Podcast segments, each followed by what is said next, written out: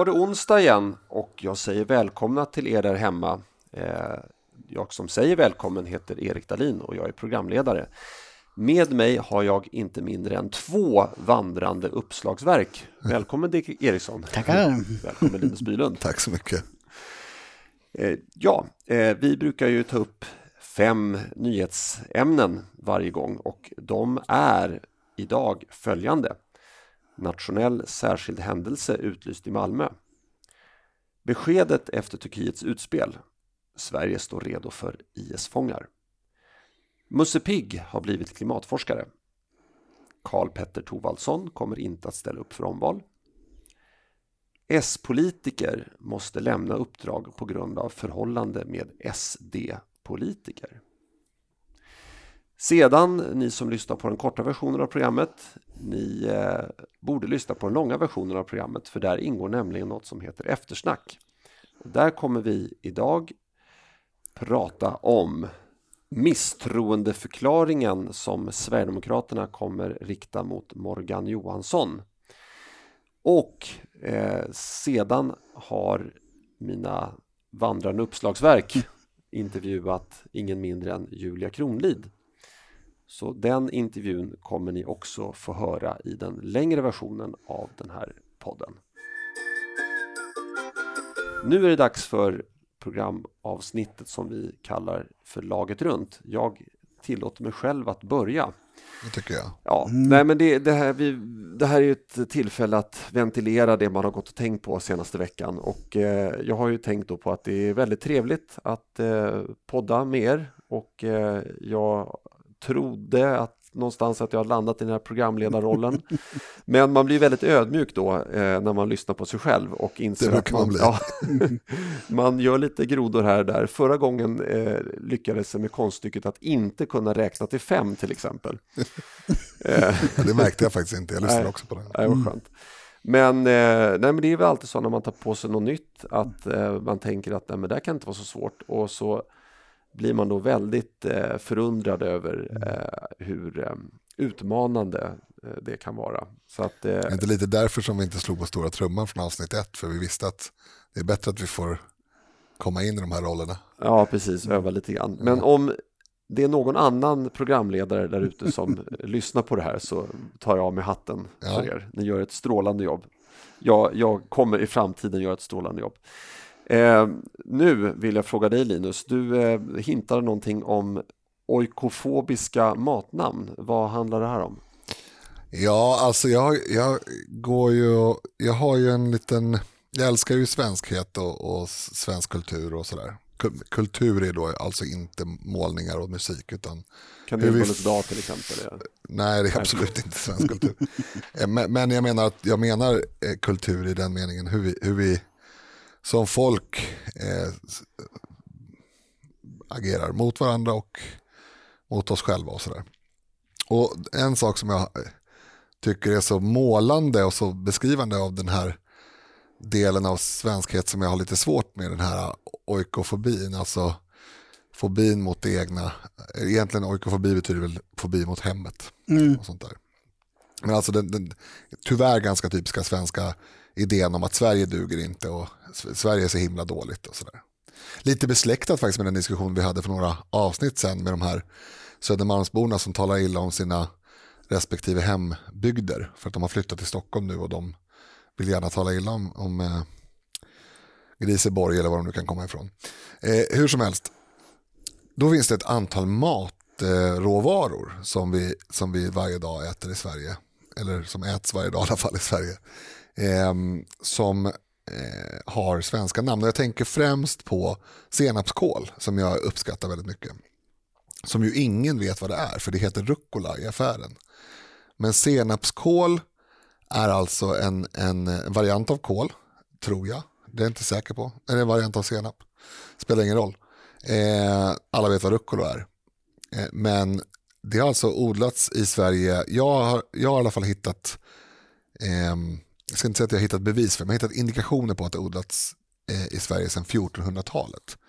Och sen så glömdes det bort av någon anledning, eller det var, stod lågt, lågt på listan så att säga. Tills någon kom på att vi kan kalla det rucola och lägga det på pizza eller ha det till mm. italiensk matlagning. Men det är alltså exakt samma? Det, det, är samma... Eh, det, det, ska eventuellt vara två olika arter men det är otroligt närbesläktade. Mm. Så det är samma smak och sådär. Mm. Eh, det kan till och med vara samma art, jag säger mm. bara att det, det, kan vara, inte hundra, men, men det är tillräckligt likt för att det ska vara för att det ska vara eh, applicerbart här.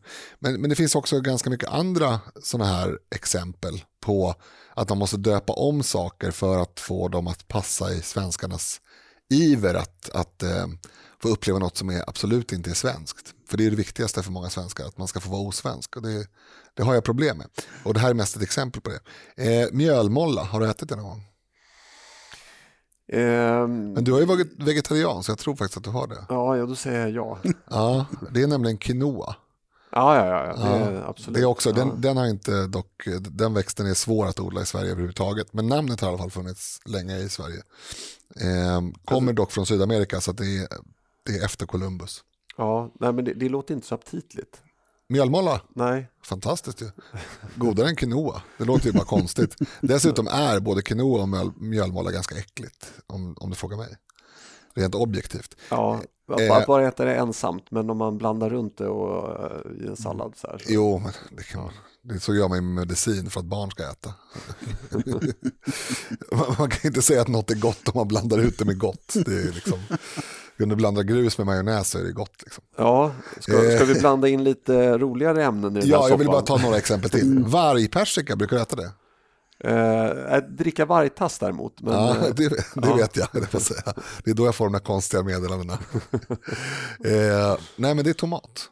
Ah, okay. Ja, okej. En gång eh, till. Vargpersika, tomat. Jaha. Och eh, ja, vi ska, det finns ju massa, massa, massa namn. Men en till bara. Ja. Och det är eh, det som eh, kallas för fysalis eh, i affären, alltså sådana här klockfrukter. De heter, det heter faktiskt kapkrusbär på, på svenska. Mm. Så det kan man lära sig.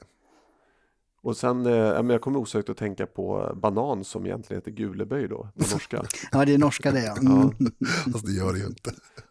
Inte? Nej. Nej. Men, eh, Däremot heter morot gulerot. Ja, ja. och mm. ekorre heter tallefjant. Tallefjant. Ja. ja. men bra, tack, tack för det Linus. Varsågod. Eh, Dick, du har druckit lådvin så ja, att det står härliga till. Precis, nej men jag har en tradition att eh, emellanåt ha i Goda Vänners lag en eh, vinlunch när man provar nya lådviner eller boxviner som det heter eh, som, som har kommit på systemet. Och i, i söndags här så drack vi KVV, det här vinhuset i Sydafrika har släppt en ny box med, med Sauvignon Blanc druvan. Men jag tyckte inte alls om det, det var alldeles för surt. Mm. Jag, jag, gillar eh, lite mera eh, söta eh, vitviner.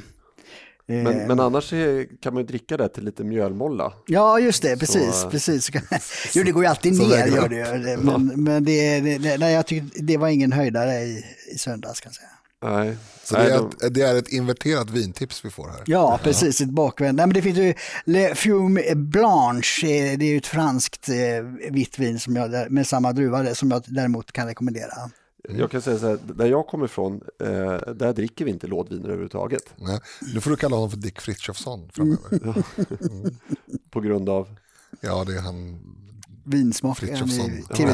Mm. Jag tittar inte på TV4. Mm. Nej, det låter i och för sig sunt. Ja. Men varför dricker du inte boxvin då? Nej, du vet på Östermalm där, där, där det... kan vi inte gå konka på låvviner, man skulle bli utmobbad direkt. Det är så ja. ja, ja. Problemet är ju att man sparar ju ryggen med lådvin. Precis. Eller jag menar fördelen är att man sparar ryggen eftersom... På, på butlern som bär hem. Ja, ja precis. precis. Ja, man vill jo, inte byta var... butler för ofta. Man kan ju fästa sig vid dem, eller? Ja, mm. nog om detta. Mm. Ja, nog om detta. Men det var ett intressant ämne. Men jag måste säga, jag var lite sarkastisk mot dig där Linus. Mm. Eh, och det ångrar jag, för att det var ett viktigt ämne du tog upp. Jag tycker inte om det här när man byter ut fungerande svenska ord mot engelska ord. Som Nej, det här med, jag, jag med tycker... direktsändning till exempel. Varför säger man att jag kollar på det här live? Ja. Ja, kan... ja men till exempel, ja. det finns massa sådana exempel. Norrmännen har ju, de har ju, de har ju, både, de har exempel både den bättre eh, vägen att gå och den sämre. Och det kanske beror på att de har massa NATO-baser och så, de säger computer och lite andra saker. Men, men de har ju andra grejer som de verkligen säger eh, förnorskar saker. Eh. Till exempel säger de inte television som vi gör. Nej men det säger, De säger- engels, de engelsmännen. säger det, kringkastning. Det har de ju fått från oss. Ja, fast de säger kringkastning, kring. vilket jag tycker är fantastiskt. Mm. Eh, Ja. vi kan lämna språkdiskussionen. Ja, precis. Eh, vi går raskt över till Nationell särskild händelse utlyst i Malmö. Varför har man gjort detta och vad är det för skillnad mot ett undantagstillstånd, Dick? Ja, det är, det är ju inte lika påtagligt som ett, man brukar prata om undantagstillstånd i andra länder. För det, det jag uppfattade från presskonferensen som polisen hade i måndags då från Malmö är, är ju att man utser en särskild kommenderingschef inom polisen som då har lite större befogenheter och kan då kommendera poliser från andra delar av Sverige till exempelvis då Malmö. Eller som det var eh, den här eh, polismästaren eh, Hector, eh, han var ju i samma roll efter terrordådet på Drottninggatan. Alltså då, han är som kommenderingschef då fri att plocka in de resurser han anser och behöver inte gå högre upp i hierarkin så att säga. Eh, och, och som då finns ju förhoppningsvis nära där, där- det händer då. Men det är lite lustigt, eller lustigt ska man inte säga i det här sammanhanget, men det, det här är ju med anledning av skjutningar och, och, och bombdåd och så i, i Malmö. Men det är ju inte liksom en aktivitet utan det, det är ju eh, liksom ett löpande händelseförlopp. Så det är lite märkligt tycker jag att, att göra det. Det, det. det här är ju någonting som polisen borde klara av. Det, det börjar ju med studentrevolten 1968, Ja, så att det är ju liksom inte en enstaka händelse kan man ju tycka. Nej, förvisso. Men, ja, nej, men i alla fall, eh, det är som jag förstår då steget innan eh, det här eh, begreppet som kallas för undantagstillstånd. Eller finns det något ytterligare? Alltså nu, om, om polisen nu vill verkligen eh, komma till rätta med ett problem, har man något verktyg efter? Undantagstillstånd innebär, innebär väl att man väldigt lättvindigt kan utfärda utegångsförbud och en del andra saker. Ja, precis. Och det är ju, det är ju att gå längre än man har gjort nu. nu Ja, ju, ja, oh ja, men jag tänker om det finns något mellanting mellan det här och eh, Jag funderar på när, när det var branden förra sommaren här, då, eh, MSB bjo- gjorde ju någonting då, men jag kommer inte ihåg vad det vad deras... Jag tror att olika myndigheter i Sverige har lite olika termer. Mm. Men det vi, det vi har nu är alltså någonting som har med, med fördelningen av resurserna. Inom polisen, Inom och det är polisen. bara polisen. Ja. Liksom. Det är inte, man kallar inte in liksom andra, det försvaret och sånt. Ja. Ja, just det. Nej, men det, det är intressant där, för just det du sa Dick, att det här är ju inte, alltså hade det bara varit en enda händelse, Mm. om, om det varit helt, helt lugnt Mm, fram tills för en vecka sedan, sen då hade man inte gjort det här. nej. Så det är frågan om, om, för att komma till rätta med det här problemet som har pågått nu ett antal år, kommer man utlysa den här händelsen i ett antal år? För att, alltså det, eller, Ja men det är en bra fråga Ja. för att eh, det är klart att jag, jag säger inte att det- det här är ett dåligt beslut. Det är kanske mycket väl ett bra beslut givet läget. Men, men det är absolut inte det enda beslutet man måste ta. Man måste, man måste ta väldigt många beslut ganska snabbt om man ska få, få ordning på det här. Och då menar jag ordning i den meningen att fler människor, eh, oskyldiga människor ska slippa dö. Och även skyldiga människor faktiskt. För det är ganska många inom citationstecken skyldiga människor som, som skjuts i Malmö. Ehm, eller som råkar illa ut i, i kan bombdåd också. att, att de inte har varit Guds bästa barn. Det kan man säga, men i, i, bara, i, bara nyligen här så hade vi en kvinna som var helt oskyldig som blev slagen i huvudet med en planka. Så hon, hon eh, jag vet inte om hon har dött, men hon, hon, förklarades hjärndöd i alla fall. Och det är ju, nu, det är inte nödvändigtvis en, en har, har inte med gängkriminalitet att göra, för det här var en psykisk sjuk man, men det har med, med samhället att göra, därför att den här mannen hade, vad jag förstår, sökt vård. Eh, den här mannen var dessutom eh, invandrare. Så det finns ju många steg i det här där, där man har från myndigheternas håll brustit. Även om det här inte var en organiserad brottsling som, som begick det här äh, hemska dådet. Och det, det, vi kan liksom vilken, vilken morgon som helst tyvärr sätta oss och prata om det, hemska dåd i Malmö. Och det, det, det är alltid från sprängningar till sådana här vansinnesdåd. Och det, ja, det, det är en helhets en helhetsproblematik som, som härrör från en slarvig migrationspolitik och en slarvig kriminalpolitik i 20, 30, 40 år. Exakt, man börjar se konsekvenserna av den slapphet. För det är ju det, är det, som, det, är det som gör det lätt för vänstersidan att säga att vi kan släppa på reglerna, vi, vi kan ha mindre av disciplin och ordning. För allting, all, om alla är goda så flyter ju allting på ändå. Mm. Men det är ju så att det blir en, en successiv eh, eh, nedtrappning mot anarki när, när, man inte har några regler och, och följer upp dem. Och, och det, det, är det vi börjar nu se. Det. Och det, därför är det väl, tror jag väldigt svårt att vända en sån här trend. Alltså Wilhelm Agrell, den här fredsforskaren, han, han jämförde ju en uppmärksammad artikel här tidigare under hösten Eh, med Libanon och, menar på att där skedde en upptrappning av våldet mellan olika grupper till att det blev inbördeskrig. Och han har då forskat på mekanismer och han menar när våldet har trappats upp så är det väldigt svårt att trappa ner. Mm eh, människan fungerar ju så som flockdjur och så, att det är hela tiden hämnd och det är andra maktmarkeringar eh, man vill göra. Och därför menar han ju att det kan vara väldigt svårt att trappa ner så att man ska inte släppa våldet så här långt som nu har skett. Men det, det är lätt att säga nu. Det, det förstår ju vem som helst höll jag på att säga. Eh, men däremot så vänder jag mig lite emot den här inbördeskrigs grejen av den enkla anledningen att det, det är, finns ju inga politiska, det finns ju inga mål så att säga politiska mål kopplade till de här dåden. Det är inte så att det är inte ens två fraktioner utan det kanske handlar om fem, tio olika gäng som mm. håller på och har ihjäl varandra. Så det är klart att, att eh, vi hade en diskussion om Leif Östling som hade sagt att han är orolig att det här kan gå mot inbördeskrig någon gång i framtiden. Det kan jag skriva, det kan jag skriva under på, ställa upp på. För det, det, det är alltså, klart att det kan du, det. Men... Du, du, kan skriva under på att, att du, det är inte helt uppåt väggarna att spekulera i Nej, och jag kan också säga att jag är orolig för det. Mm. Men då pratar vi om väldigt lång sikt. Däremot är jag orolig för att varje dag så far någon illa eller dör mm. på grund av det här. Och det är det jag menar att man måste, man måste mm. förstå. Att det är det som är målet. Målet är ju inte att att kunna om tio år säga att nu har vi minskning i antalet döda i sprängdåd här. Utan det ska liksom, man får ta i med hårdhandskarna, det ska bort. Mm. Det ska inte sprängas, punkt. Mm. Kan det här mynna ut i någon maktkamp inom olika polisdistrikt? Att ja, men nu utlyste man en särskild händelse här och får de massa resurser och sen så sprängs det i Uppsala och skjuts. Mm. Ja, det kanske precis... de säger att nu utlyser vi en särskild händelse här och sen dränerar man då liksom. Mm. Precis, det blir en ständig dragkamp precis. mellan olika delar. Och, det, nej, och precis som du säger, att det, det, är olika kriminella fraktioner som ägnar sig åt det här. Och, och vad jag har förstått och läst så är det ju också väldigt unga personer. Och det, han som sköts i, i lördags var ju 15 år då, och förövarna kanske inte var så mycket äldre eftersom de vad jag förstår cyklade ifrån platsen. Mm. Eh, de, de, kan inte köra bil Nej, de har inte körkort. de kan ju köra ändå om de kan. Men eh, alltså, det, det, det är väldigt unga personer som, som har hamnat i, i, det här och det, det, är också en speciell problematik mm. att ta tag i, i, i det. Liksom. Ja, verkligen. När det inte finns men, men jag menar, det är precis som i övriga samhället. Alltså, det finns en viss mängd resurser och det finns faktiskt bara en viss mängd utbildade poliser. Och i teorin så kan det ju som du säger vara så att man tar resurser från andra polisdistrikt och då blossar det upp saker i de distrikten. För det är naturligtvis, brottslingen är den första att förstå att nu är, det, nu är katten borta, då kan råttorna dansa på bordet.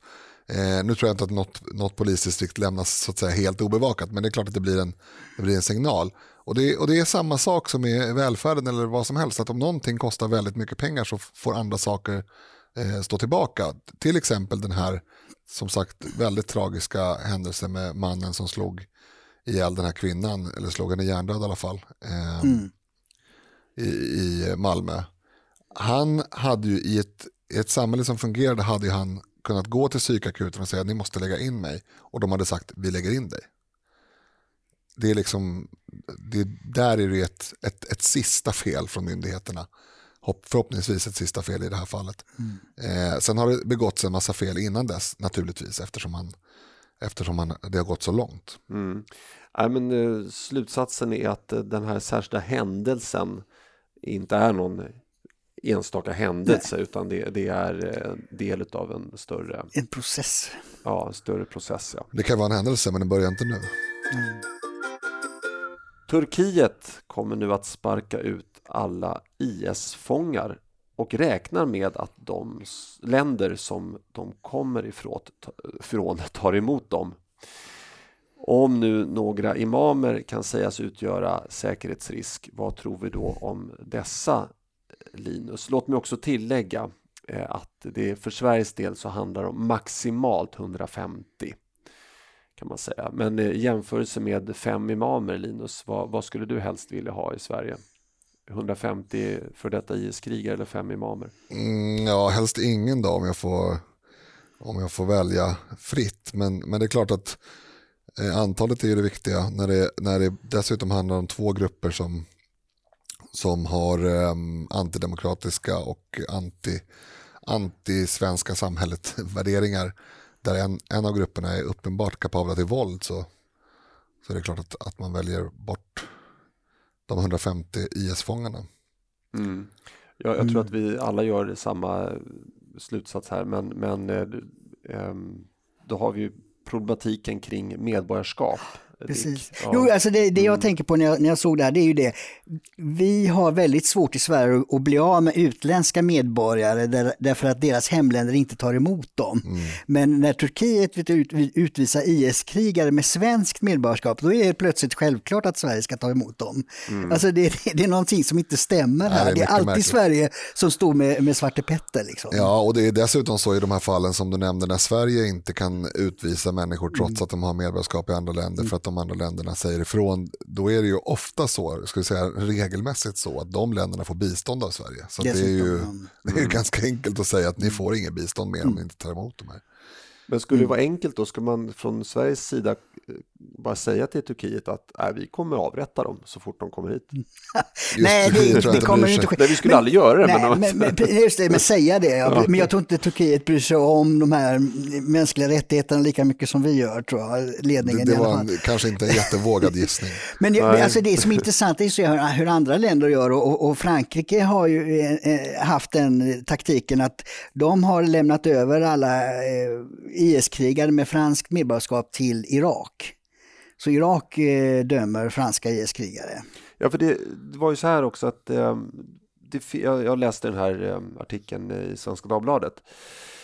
Och då är det ju ett antal länder som har sagt upp medborgarskapet för de här iskrigarna. De resonerar mm, väl så att ja, men har man åkt ner till Syrien och krigat då har man förverkat sitt medborgarskap. Vilket, vilka länder det här var, det, det framgick inte av artikeln. Jo, Danmark har, Danmark, de som har okay. dubbla mm. medborgarskap, ja. där eh, tar Danmark bort det danska när, när de har rest på det viset. Men Turkiet uppger även att de kommer skicka tillbaka de vars medborgarskap blivit indraget. Ja, ja. Så det är lite intressant. Ja, det blir väldigt intressant. Men är inte det här ett led i Erdogans liksom, eh, utpressning mot, mot EU? Precis. Eh, men, men, jag tänker på en sak, och det, det, de här, med, om vi tänker oss ett sverigedemokratiskt Sverige, så är ju de här med dubbla medborgarskap inget problem alls. Därför att då, då, får, då rycker man bara det svenska medborgarskapet. Och det har vi pratat om tidigare, att om man, om man eh, tar värvning Eh, i en armé som har förklarat krig mot ens eget land, då är man landsförrädare. Det är ganska enkelt. Eh, så de tycker vi att vi kan rycka rakt av. Eh, problematiken blir ju när du, du hamnar på, i ett läge där du är en, en, person som är till och med född i Sverige. Till och med svensk, alltså inte ens invandrade föräldrar. I teorin kan ju det uppstå. Eh, vi har ju han Skråmo, mm. det var väl han norrman i och för sig. Men... ja, han, han, var väl svensk från början. Men... Jag, jag vet faktiskt inte, han har norskt efternamn i alla fall. Mm. Jag tycker Norge kan ta honom. Nej men skämt åsido, eh, vi pratar teoretiskt här. Det finns IS-krigare i min teoretiska eh, tankebild här som är födda i Sverige av svenska föräldrar, de har liksom bara radikalis radikaliserats av någon anledning. Det måste ju rimligen vara, eh, dels så måste det finnas ett mått av svenskt ansvar i det. Eh, men, men också, det blir juridiskt problematiskt att ta ifrån någon ett medborgarskap eh, när den inte har något annat. Därför att vad man säger då, och jag menar inte att det är orättvist mot personen, för det skiter jag faktiskt fullständigt i. Men vad man säger då är att ni kan ta bron över till Danmark. Eller ta det vad du vill. Vi belastar alltså någon annan eh, nationalstat i världen med en galning som vi inte vill ha här, som vi är ansvariga för, i någon mening i alla fall. Sen kan han ha blivit radikaliserad på grund av att eh, Saudiarabien pumpat in pengar i en moské i Uppsala, vad vet jag. Men, men faktum kvarstår att vi har ett visst ansvar, går ju inte att frånkomma. Och då måste, man, då måste man titta på vilka lösningar man kan ha för den typen av personer. Och då menar jag att det finns ett antal olika tänkbara, eh, tänkbara lösningar. En lösning är att säga att eh, vi har riktiga livstidsstraff och man kan byta ut delar av livstidsstraffet mot att man, eh, att man flyttar från Sverige frivilligt. För då, då kan man skapa en situation där, det faktiskt, där man faktiskt kan få inom citationstecken asyl i något annat land. Men det måste vara på frivillig basis. Det kan inte vara så att vi tvingar en person att bli Tysklands problem. Till exempel. Det är svårt. Mm. Ja, ja, det är jättesvårt. Ja, Nej, men jag, jag, är inne på den linjen att eh, om man krigar för no någonting annat som eh, kalifatet, som ju är emot demokrati och allt det här som, som Sverige står för, då tycker jag då är man landsförrädare. Och det mm. har det i, i tidigare historien har det funnits straff och det var ju dödsstraff. Mm. eh, och det ska vi ju inte ha. Men jag tycker att det, det, är helt befogat att säga att man drar in även det svenska medborgarskapet vid det tillfället och, och att personen blir statslös. Sen får man hitta praktiska lösningar, det, det, det Linus är inne på då. Liksom att, eh, går det att ha avtal med några no, no andra eh, länder eller liksom, och, och försöka hitta någon lösning. Mm. Där, där man, men i alla fall bli av med det svenska medborgarskapet och de just demokratiska rättigheter som det innebär eftersom man krigar eh, för eller stödjer eh, på ett aktivt sätt och någonting annat. Va? Mm. Jag tycker man ska ha den diskussionen. Däremot den utredning som sitter nu, där har de ju förbjudits att diskutera medborgarskapet, ändringar i den. Så att eh, Morgan Johansson har sagt nej, medborgarskap som är, är erhållna på falska grunder eller är genom, tillvitade genom korruption, de får inte dras tillbaks. Det, och det ska fortsätta vara så enligt Morgan Johansson eftersom den utredningen som tillsätts nu inte får titta på det ens en gång. Det finns ju ingen grund för det därför att om man, om man tolkar lagstiftaren eh, som har skrivit grundlagen så, in, så kan inte rimligen intentionen varit att man ska kunna lura sig till medborgarskap och sen gäller det livet ut. Utan, nu, nu pratar vi lite om en annan fråga, det vill säga medborgarskap som har tillkommit genom lögn och bedrägeri. Mm, men, men, inte där, ens det så att säga. Nej, mm. det, inte ens det får de, får de diskutera. Och det tyck, jag, jag tycker att det, det, är en självklar fråga. Uh, och det har ju partiet uh, sagt att vi drar inte in sådana medborgarskap. Vi konstaterar att de aldrig har funnits. Ja, ja det är precis. För, för, att man får inte mm. dra in ett medborgarskap, men om man konstaterar att det aldrig har funnits ett medborgarskap, för det har ju aldrig funnits en person med det personnumret om man, om man har fått sina sina handlingar på, på falska grunder. Men svensk förvaltningsrätt fungerar nog så att är det fattat ett beslut om medborgarskap då är det det. Ja. Sen måste man upphäva det och, och, det är det Morgan Johansson vägrar att ens utreda. Men det finns ett förslag från, från Sverigedemokraterna, ja, från Sverigedemokraterna att mm. nullera, nullera kallas processen, nullera mm. medborgarskapet och då betyder det inte att man drar in det utan man konstaterar att det är falskt och aldrig mm. funnits. Mm. Just det. Här finns mycket att göra. Mm. Ja, men det kan vi inte göra idag. Nej. Musse Pigg har bytt yrkesbana. Berätta mer om det, Dick. jo, jag slappade upp det och det, det, var ett antal medier som gjorde det i Sverige att Musse Pigg har skrivit på den här eh, klimatlarmsrapporten som 11 000, som det heter, forskare har skrivit på internationellt om att det, är väldigt viktigt att vidta alla möjliga åtgärder eftersom jorden går under inom ett antal år om man inte gör det. Och det har ju forskare sagt sen, eh, den äldsta jag hittade som vi har skrivit om samtidigt är, är från DN 1972 sa forskarna det, att jo, eh, vi har tio år på oss.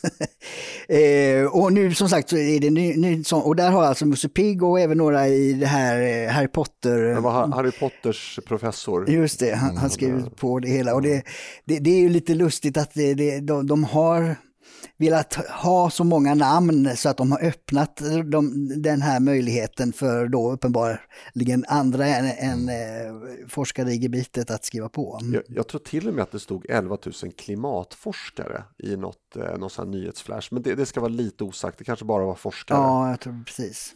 Uh, ja. och det, och det, alltså hela grejen är ju väldigt ologisk, för forskning utgår ju från att man tar fram vetenskap, så att säga. Och, och det finns ju ingen anledning att göra upprop Nej. om vad som är, är sant och falskt antingen är det ju det eller så är det inte det. Det behövs ju inga upprop för det. Ja men verkligen, det där tycker jag är en jättebra synpunkt. Mm. Alltså om en forskare eh, kan visa med bevisbara eh, ut, bortom all tvivel bevisbara fakta att det, någonting förhåller sig på ett visst sätt, då är ju det så. Mm. Alltså det, det, är liksom inte, det är inte om, om en miljon människor säger att Newton hade fel, saker Mm. och ting faller inte Precis. till jorden, då är inte det mer sant. Vi gör en insamling om att jorden är rund. Ja, precis. Det- det... Blir fånigt. Och, och här skulle jag vilja säga att det finns en, en aspekt som, eh, som jag tycker lyfts för lite och det är att det här är ju, det här är ju klimatfiender, de som gör så här. Om, om man är orolig för utvecklingen eh, på planeten så, så förstör man ju. Alltså, Jag skulle vilja dela upp, dela upp folket i många fler grupper än de som bryr sig om klimatet och de som inte bryr sig om klimatet, som, man, som man ofta gör. Eh, och det är de som bryr sig om klimatet på riktigt och de som bryr sig om klimatet av socialistiska skäl. Som, som använder klimatfrågan bara som politisk slagträ för, att, eh, för, för sina politiska idéer om, om eh, att slå sönder produktion och så vidare. Eh, det är ju en, det är ju en avart, en, en, eh, egentligen en, en femtekolonnare i långa loppet inom klimatrörelsen som är väldigt stor idag, tyvärr den delen som, som på allvar, istället för att säga så här, kan vi sätta oss ner och diskutera vad vi ska lägga för forskningsresurser på morgondagens energiförsörjning? För det, är ju, det förstår ju alla att det är det som skulle kunna lösa problematiken. Men då, har, då finns det för många människor som vill lida. De vill att andra människor och de själva ska lida för det är liksom, en, det är liksom ersättning för religion det här egentligen. Det är liksom, deras livsluft är att få, få, göra åtgärder för klimatet i sina egna vardagar. Därför att det, det är liksom det som får dem att eh, gå upp på morgonen. Eh, och de är ju helt, de är kontraproduktiva och lallande fån, men de är tyvärr väldigt många. Om de inte skulle finnas, om det skulle finnas, då skulle ju en väldigt stor en väldigt stor del av de som inte är jätteoroliga för klimatet kunna enas med de som är jätteoroliga för klimatet. Därför att inom gruppen som är inte jätteoroliga för klimatet finns det ju väldigt många, jag till exempel, som tycker att det är jäkligt dumt att fortsätta bryta olja och kol, eller pumpa olja och bryta kol. Eh, eller för den delen bryta olja som man gör nu i, skifferbrott med fracking.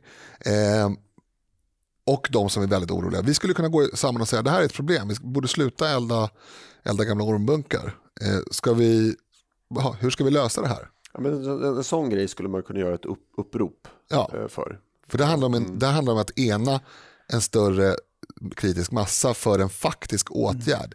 Inte för en massa flum om att eh, du måste gå barfota till jobbet och slå dig på ryggen med en, med en piska. Liksom. Vilket ju är, det, är, det här är ju liksom katolicismens, eh, det här, klimatuppoffringen är ju liksom en, samma rit som vissa, vissa liksom riter inom katolicismen Ja. eller andra Precis, alltså- religioner där, man ska, där man ska lida. Precis. Jo, det är ju det. Det har ju varit ett antal demonstrationer för klimatet där.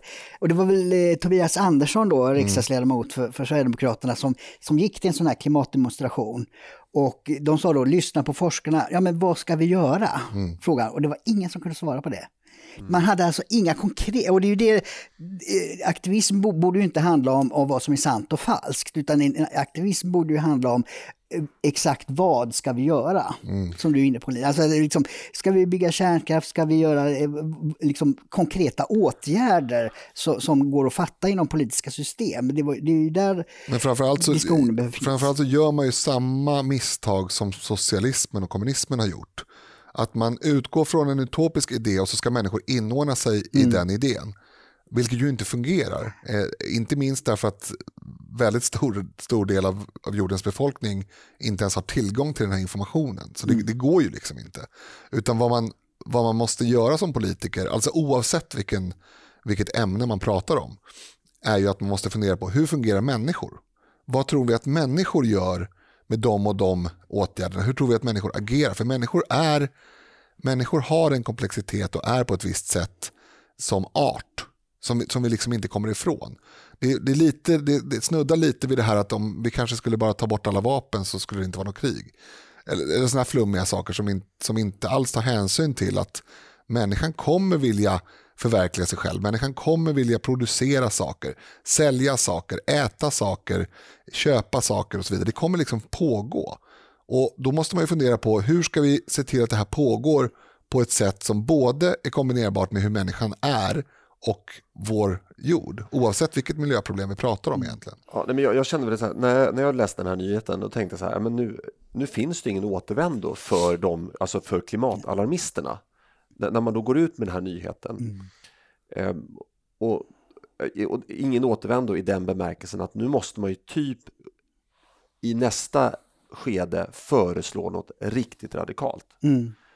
Till exempel att förbjuda flyget eller förbjuda import av mat. Varför ska vi flyga in mango från Afrika för när vi kan äta, vad var det du kallar tomater för? Någonting med varg. Vargpersika. Vargpersika. Varför ska, varför ska vi ha mango från Kenya när vi kan äta var, vargpersika för? Nej, men alltså, då, då, då måste man göra något sånt. Och jag tänkte så här, det här ska bli riktigt intressant för att varje gång när man reglerar marknaderna riktigt, riktigt hårt, då drabbar det de som har det sämst. Ja, ja. Det är bara att titta på turistindustrin eh, i världen. Eh, om man nu, låt säga, förbjöd eh, nöjesflygning, det vill säga turism. Alltså jag tror ett land som Maldiverna skulle gå kon- konkurs på två veckor. Thailand skulle, folk skulle svälta. Eh, när det var det här, jag tror att det var askmolnet. Eh, ja, då hade man kommit på att det, det slog ut hela blomsterindustrin om det var i Kenya. Det var, ju- Man åkte ner, jag vet inte hur man tog sig ner, om man åkte båt eller man åkte ner Åkte med precis efter. Greta. Vad sa du? Man åkte med Greta. Ja, men typ. Ja, men, och intervjua någon bonde där, det var ju total katastrof för att han inte kunde flygexportera sina tulpaner då, eller vad det Ja, var för blommor. Så att jag, jag, jag ser verkligen fram emot det här experimentet. Mm. Alltså förbjud sånt som är dåligt för klimatet så får vi se vad som händer. Mm. Ja, kanske en miljard människor kommer att svälta ihjäl, men det var inte på mitt initiativ. Men det är ju hela tiden det där nå- någon annan borde. Alltså det såg man också på, nu blir det en väldigt anekdotisk bevisföring, men, men eh, Tobias Anderssons klipp från klimatdemonstrationen pratade med någon kille som, ah, vad, vad skulle du göra om du fick göra? Jag skulle införa medborgarlön och förbjuda flyg. Eh, Okej, och när flög du sist? Ja, det, var det var ganska nyligen, säger han och skrattar. Och Ja, han det är ju på den nivån. som bodde i Ja, Just det. Men, men det, jag menar bara att det är liksom, man får fundera på vad kan människor, på vilket sätt kan vi styra all, produktion, resande och annat på ett sätt som inte drabbar människors lust att resa. Alltså det är ju en, det är ju en sån här, framförallt här i Skandinavien, en liksom grundläggande lust. De allra flesta är liksom intresserade av att resa. Därför dels därför att vi bor i ett jäkla kallt skithål halva året och dels därför att vi vi i Sverige har en, en liksom nyfikenhet på andra kulturer och, och det, det är den positiva sidan av min tidigare oikofobi-debatt. Vi har en, vi har en liksom grundläggande liksom, törst efter att resa. Ja, men eh, som avslut kan vi säga läs Musse Pigg, men lyssna inte på vad han har att säga om klimatet. Så är det. Karl Petter Thorvaldsson avgår som LOs ordförande i juni. Hur skulle du beskriva det LO som Torvaldsson lämnar efter sig, Dick? Ja, det är ett försvagat LO tycker jag. Det, det, det senaste är ju nu att Kommunal har bestämt sig för att göra löneförhandlingen på e- egen hand. Att man kunde inte mellan de här 14 förbunden i LO samordna eh, löneförhandlingarna eftersom man har lite olika prioritering då när det gäller eh, välfärds alltså sjuksköterskor och andra kont- kontra eh, andra inom LO-kollektivet. Så, att säga. så att det, det är liksom splittrat internt och så, sen så det, tycker jag LO har problem eftersom Thorvaldsson ett, eh, det, en av de senaste grejerna var ju att han var och talade för Vänsterpartiets Eh, ja, inte kongress men någon, någon rikssammankomst. Och, och det har ju inte hänt förut att LO-ordförande har varit, utan LO har ju försökt att hålla eh, gränsen mot kommunisterna så att säga. Och han sa i någon intervju att ja, men vi måste eh, Ja, läget är sånt att vi behöver bredda oss, men, men, men deras medlemmar går till Sverigedemokraterna, då går LO-ledningen till Vänsterpartiet. Och det visar ju liksom ingen respekt för medlemmarna. Eh, nej, jag, jag kan för lite om den här klassiska striden, men, men vad ska jag säga, om vi tar Vänsterpartiets, eh kanske inte partiprogram idag, för partiprogrammet avspeglar ju inte riktigt vad Jonas Sjöstedt står och säger i debatten. Eh, det finns väl någonting om, om väpnad konflikt i partiprogrammet om jag inte helt ute och cyklar. Men eh, den, den får ni som lyssnar, ni får kolla upp där. Det, jag bara läste någon blänkar om det. Men, men eh, strunt samma. Jag, jag, jag tror att partiprogrammet lite grann inte riktigt avspeglar Jonas Sjöstedts retorik. Eh, men Sjöstedts retorik idag låter väl i princip som sossarnas retorik på 70-talet. Ja, det, kan, det kanske är möjligt. Det kanske är möjligt. Men, men det är ju det att eh, LOs med, man borde företräda medlemmarna. Mm. Och medlemmarna markerar genom att de i partivalet inte väljer sossarna längre utan, utan Sverigedemokraterna.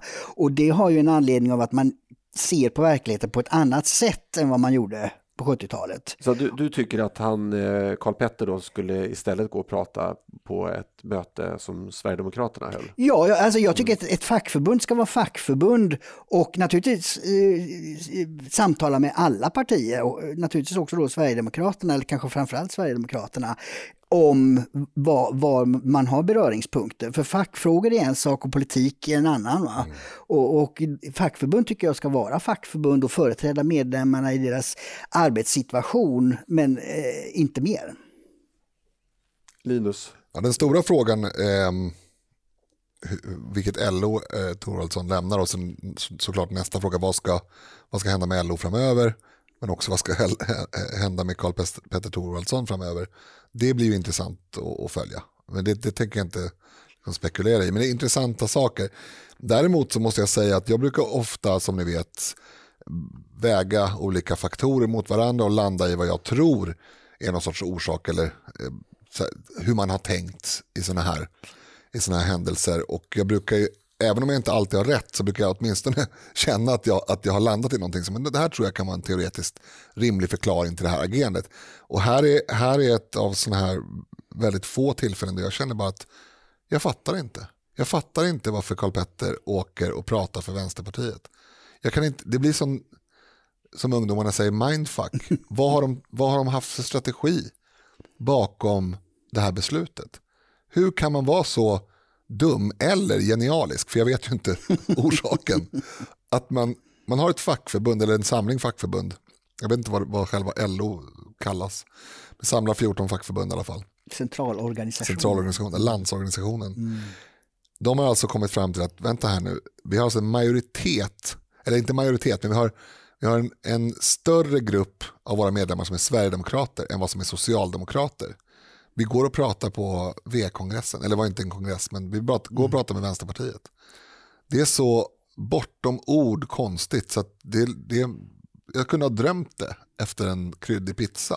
Men, men, men det, det, här är ju, mm. det här är verkligheten. Liksom. Men, men, det beror ju på vad de i ledningen, för det är ändå ledningen som tar det här beslutet. Det är ju inte, det ja, men de måste ha taktiska som... hänsyn. Liksom. Jo, men de är ju vänstervridna, alltså hela deras liv. Det, kommer du ihåg den här mannen som slutar röka, den filmen? Mm.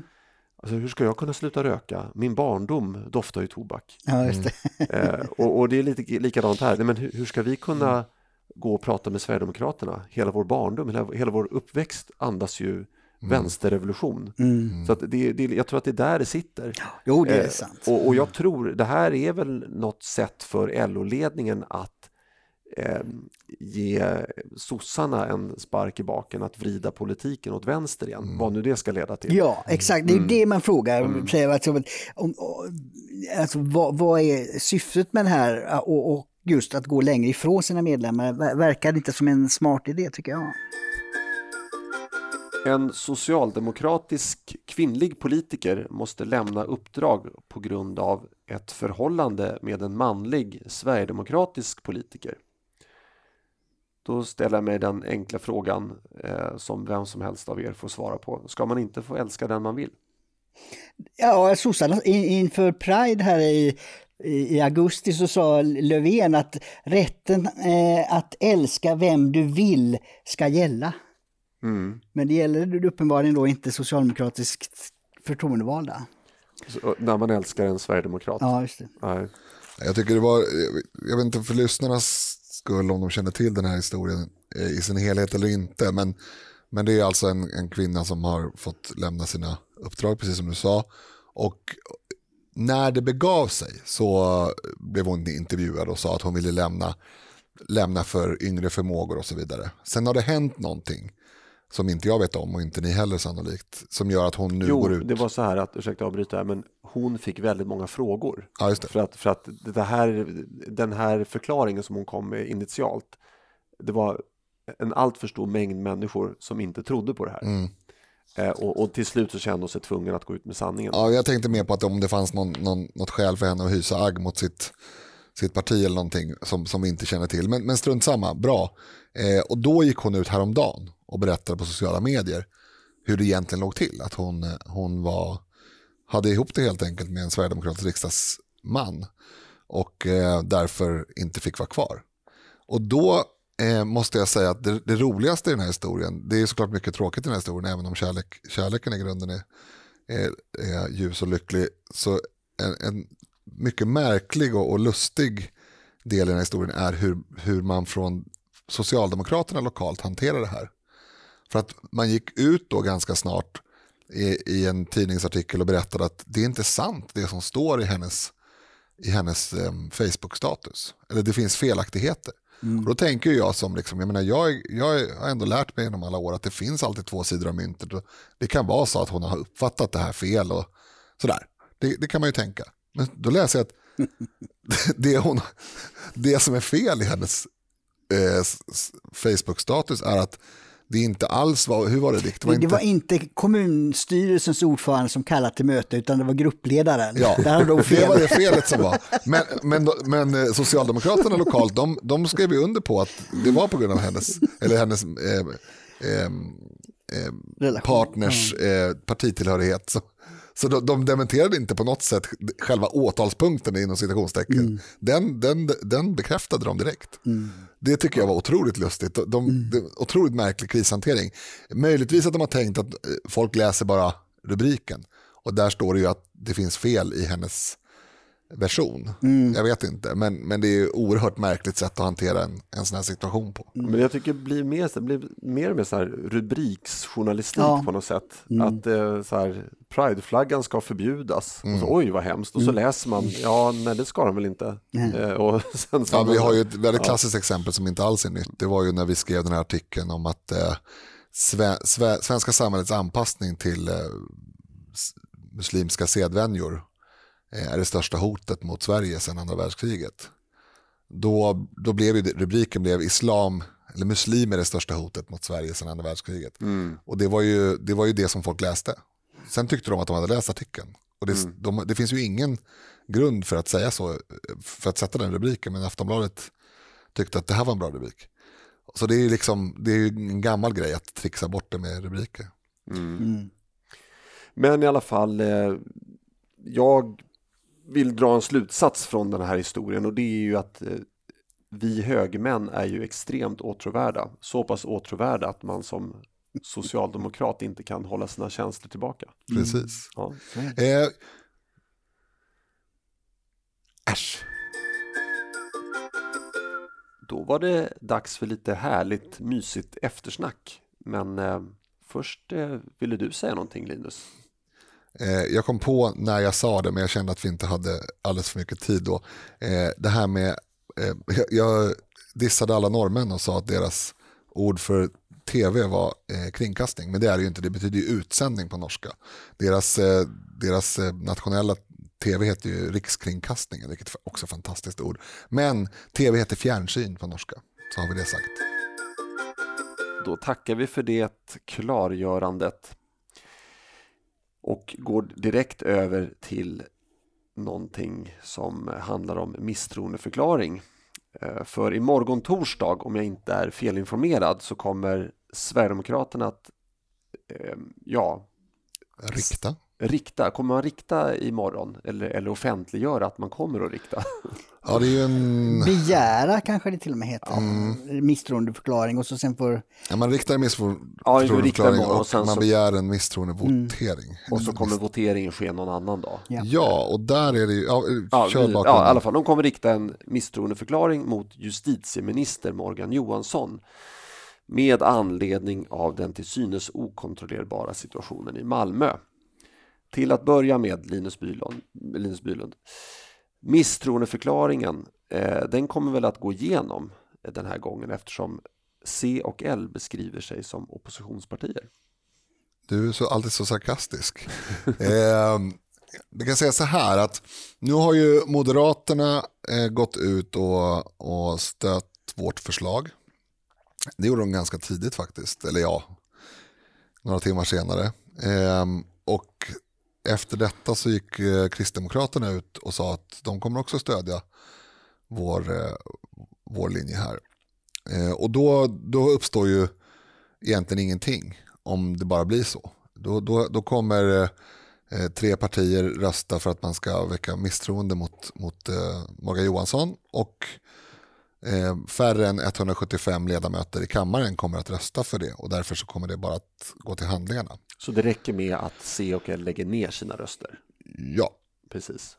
Det räcker med att C och L lägger ner sina röster därför att det måste vara en majoritet av stolarna i kammaren som jag förstår det som, som eh, vill rikta misstroende mot en, en, eh, ett statsråd eller en minister för att så ska bli fallet. Så rent tekniskt så spelar det ingen roll om man röstar nej eller lägger ner sin röst? Nej, inte i det här läget. Nej, just det.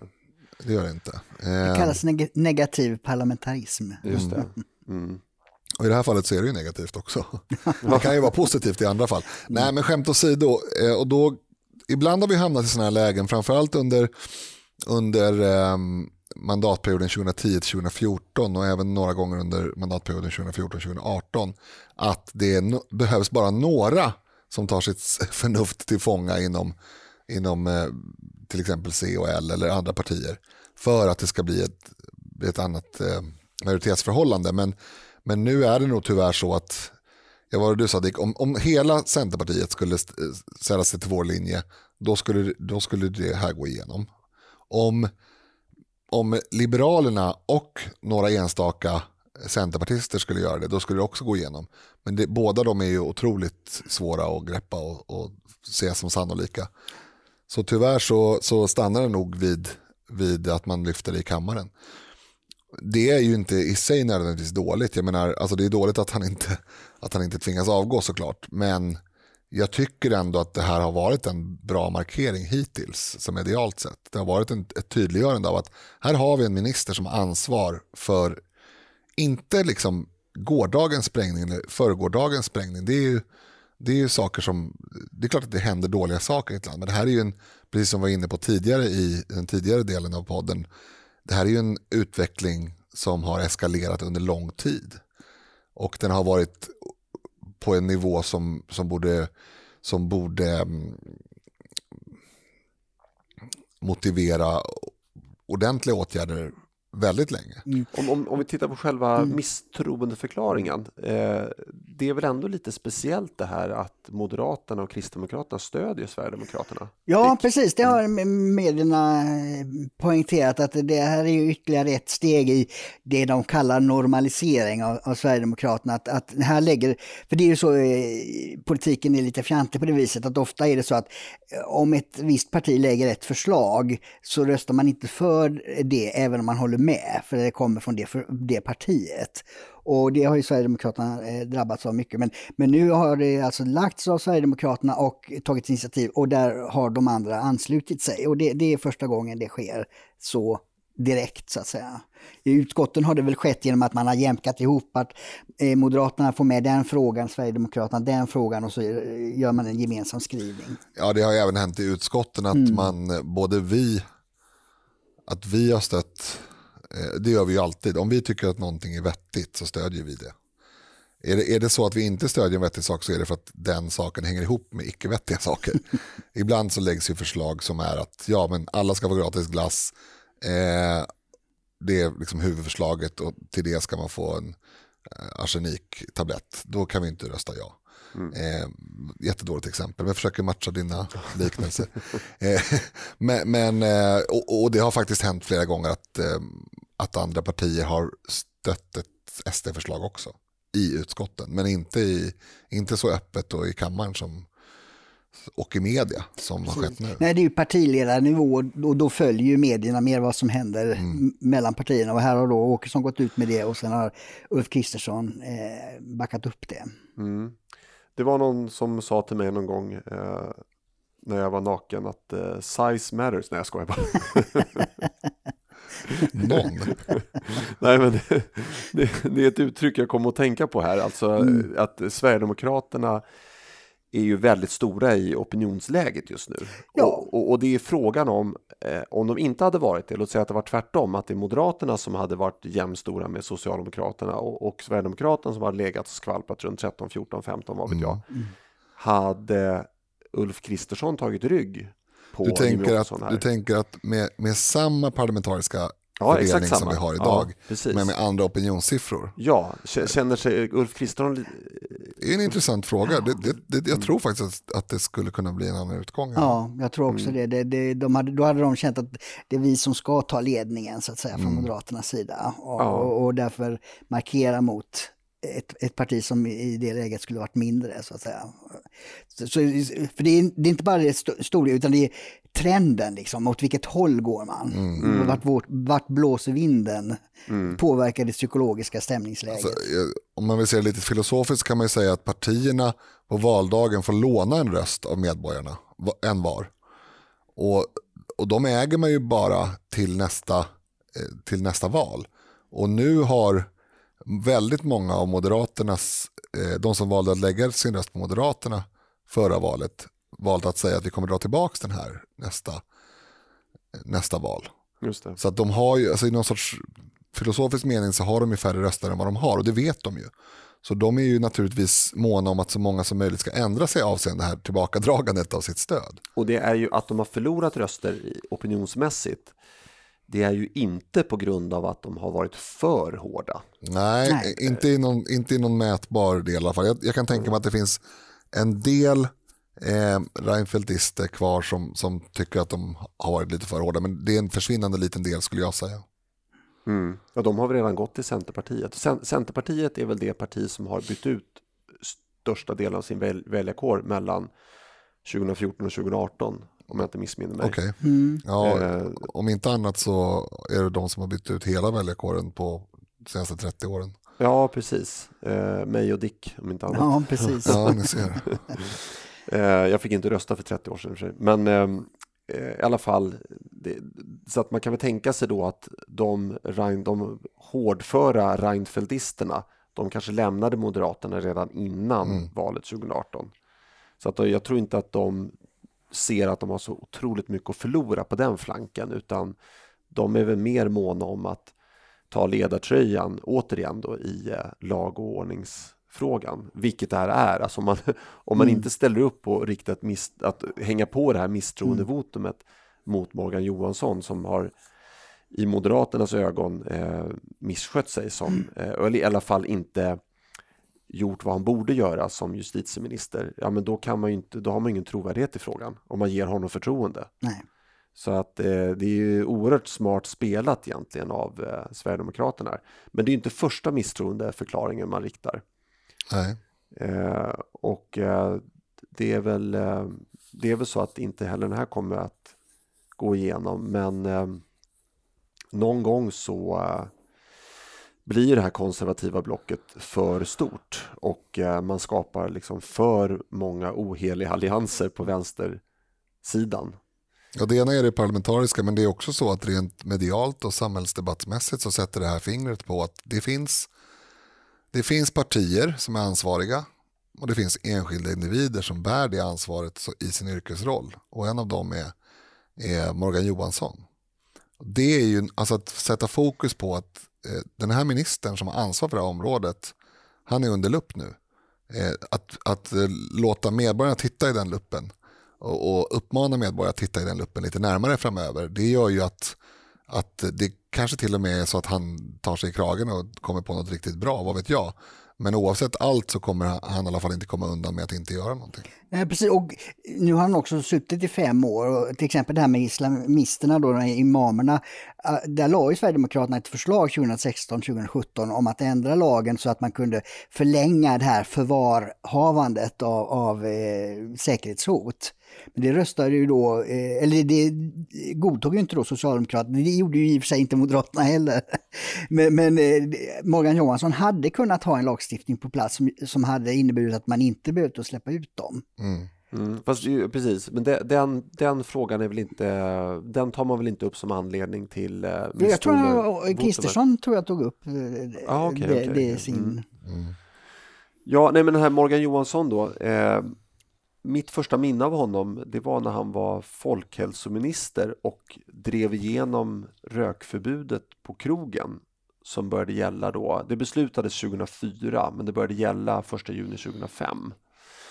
Eh, och nu var det ju visserligen en förkrossande majoritet i riksdagen men jag minns ju verkligen att han var den som började ta debatten och argumenterade hårt för det här och, och faktiskt fick mig att tänka om lite grann. Jag har ju aldrig rökt men jag, jag tyckte det var konstigt att förbjuda rökning på krogen ändå. Det var, det var ett mindset som behövde då eh, skifta helt enkelt i mig. Eh, och då undrar jag varför är han inte lika hårdför här? Eh, det, det, det, verkar som att han fått en personlighetsförändring.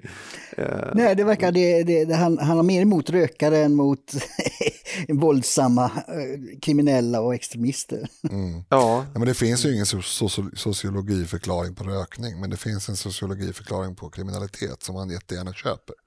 Det är det jag tror är, är liksom grundorsaken. Jag menar inte jag nödvändigtvis Morgan Johansson personligen, men men den socialdemokratiska rörelsen har ju gått mot att steg för steg under väldigt lång tid komma till liksom ett brottslingsperspektiv istället för ett brottsoffersperspektiv mm. i kriminalpolitiken.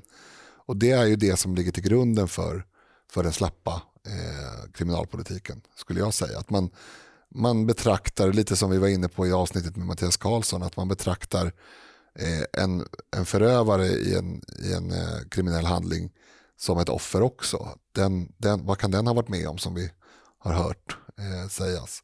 Alltså, det är först när man förstår att det finns fiender till samhället och det finns samhälle. Det är först då, när man, när man inser det och behöver och förstår att vid, åtgärderna måste vidtas mot de som hotar eh, samhället, alltså hederliga, laglydiga medborgare. Det är först då man kan göra någonting åt situationen i Malmö. Man kan inte man kan inte tro att jag kan absolut köpa att det finns förebyggande åtgärder som är viktiga att göra. Det finns såklart skolmiljöer, fritidsgårdar och annat som säkert på sikt är någonting bra för samhället. Men det är ju bara en liten, liten, liten fjärt jämfört med vad man skulle behöva göra på så att säga, icke-preventiva sidan. Alltså att faktiskt slå ner mot den aktiva brottsligheten. Mm. Och det är ju det är faktiskt så att det förebyggande arbete jag tror mest på det är att polisen lagför snattare och alla, alla som begår sina första brott i ungdomsåren och markerar att här finns en rättsstat och det blir konsekvenser om du bryter mot reglerna. Det, det tror jag skulle vara den allra bästa mm. förebyggande. Men mm. där backar ju polisen och alla jag pratar med inom, inom polisen tycker, ja, de, de, tycker inte det är prioritet utan de vill överlämna det till socialen. Mm. Och jag tycker det är helt fel. Det måste vara en, bryter man mot lagen och det är snatteri eller stöld, då, då ska polisen agera. Alltså om man tittar på det samhälle jag växte upp i, eller mikrosamhälle, nu pratar jag inte om Sverige som helhet, men mikrosamhälle, det, det fanns ju bråkstakar även där. Eh, och där tror jag nog att det var helt rätt att lämna över dem till socialen. Alltså man, man strök lite medårs och sa att okej, okay, nu har du klottrat ner en vägg här. Hade man gjort det som 25-åring, då hade du blivit eh, straffpåföljd. Men det, eh, jag måste säga, det ena mm. utesluter faktiskt inte det andra. Alltså att man får dagsböter för snatteri till exempel och överlämnat till sociala myndigheter, det är inte en omöjlighet. Det är en markering att rättsstaten är här och ser dig och du ska sköta, du ska följa mm. våra regler och lagar. Sen har vi en annan del av samhället som är till för att du, du ska komma på rätt spår.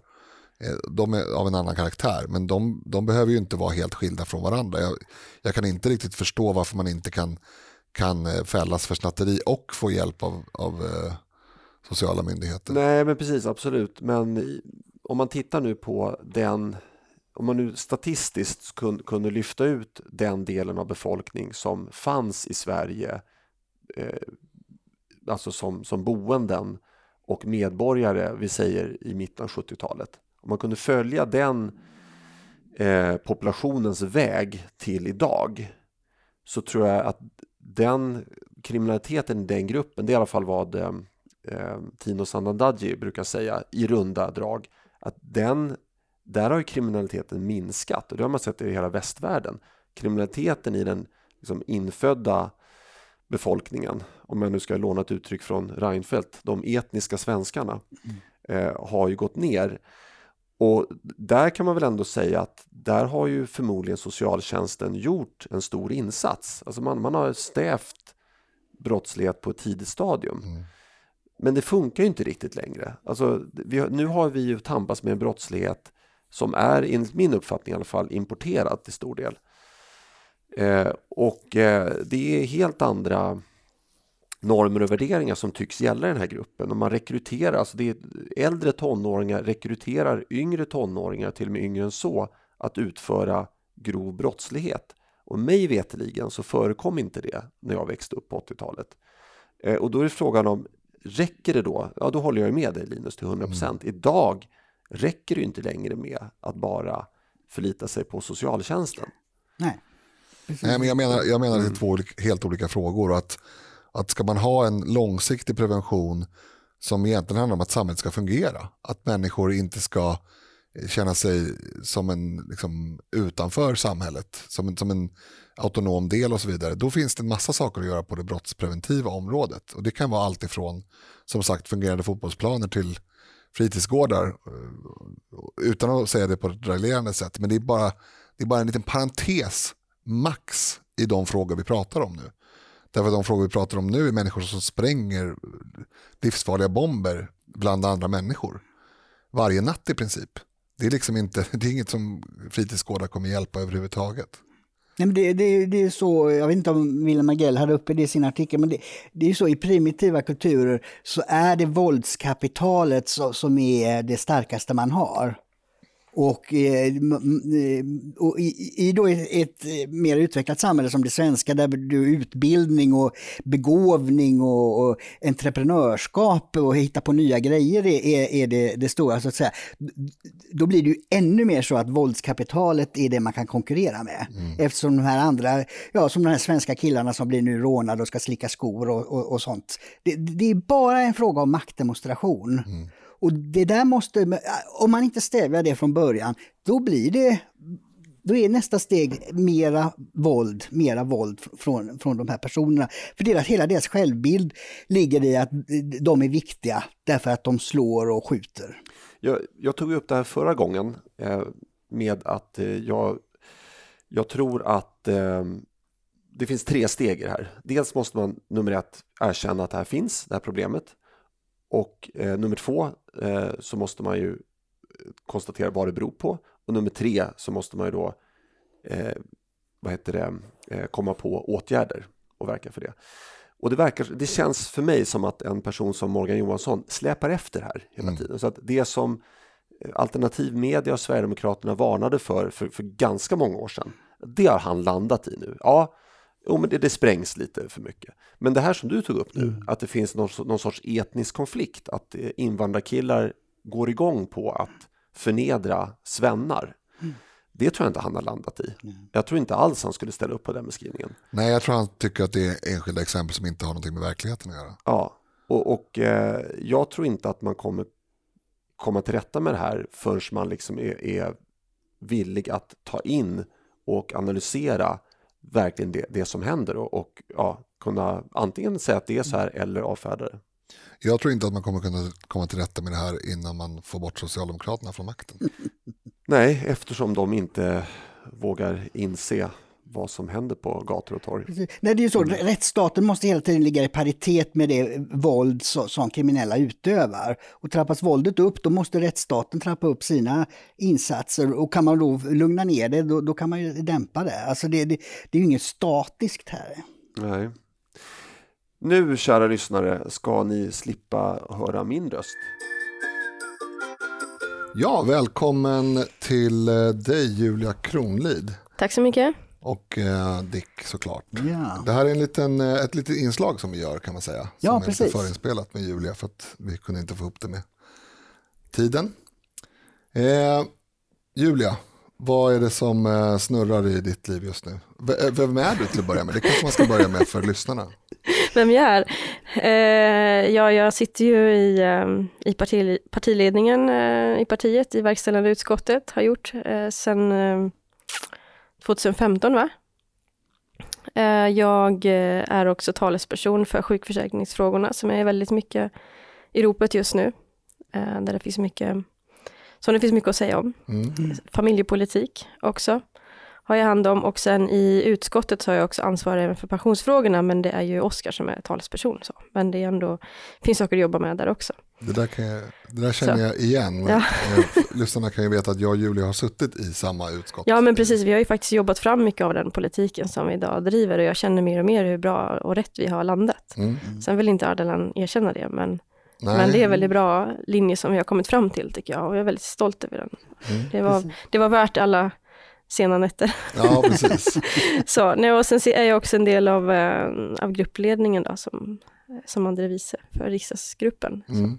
Du har suttit i riksdagen sedan 2010 va? Ja, jag har suttit i riksdagen, det är snart tioårsjubileum ju. Du har Så suttit att- i riksdagen så länge man kan som sverigedemokrat. Så länge man kan som sverigedemokrat, ja. Ja, ja. precis. Det blir, när den här mandatperioden är slut så har jag suttit i 12 år. Ja. Tre mandatperioder, så att det, är- Ja, det Jag blir veteran. Verkligen ja. Ja, precis. Det, folk, det var någon gång eh, i någon tidningsartikel som någon skrev så här veteranerna och då tänker jag alltid på så här Mattias, Rickard och Jimmy och så var jag med där också som en veteran. Jag tänkte nu, Ja. det var konstiga de är. Men sen tänkte jag efter då på att ja, men jag gick ju med 2006 någon gång och kom in i riksdagen 2010. Så att Mm. för folk som har gått med nu på senare år, det är klart, då är man nog lite av en... Jo, En men vi veteran hade, vid vi det här hade läget. samma, samma diskussion när Mattias var här, att han Ja. också känner att, och jag känner att vi kom in i riksdagen igår, Ja, men så är det inte riktigt. men tiden går så otroligt fort. Alltså. Tiden går fort ja, när man verkligen. roligt. Mm. Nej, men det, det är ju så också att politik är ju, 12 år i politik är inte så lång tid. Det går väldigt snabbt. Men för, för Ja. den som är utanför är 12 år hur långt som helst. Det låter ju jättelänge. Ja. Ja. jag vet, jag vet, jag pratade med någon när jag precis kom in. Jag har suttit tio år i riksdagen. Jag bara oj, oj, oj, hjälp vad länge. De sa bara vänta bara, du sitter snart där. Ja, precis, det är sant. ja, och sen har jag ju eh, fått tre barn under den här tiden också. Mm. Då. Och där ser man ju, min eh, äldsta dotter hon föddes ju bara några veckor efter att jag kom in i riksdagen. Så där ser man ju verkligen att tiden har gått faktiskt. Hon är ju nio Just år nu och stora var, tjejen. Liksom. var. Och så har jag en son på sex år som föddes under eh, andra mandat... Nej, hur var det nu? Ja, ja, strunt samma, jag orkar inte. Nej, olika Ja, precis. Vilken mandatperiod föddes de? Ja, han var, föddes eh, 2013 i alla fall och sen senaste nu 2016. Mm. Eh, så det är fullt ös hemma. Ja, det förstår jag.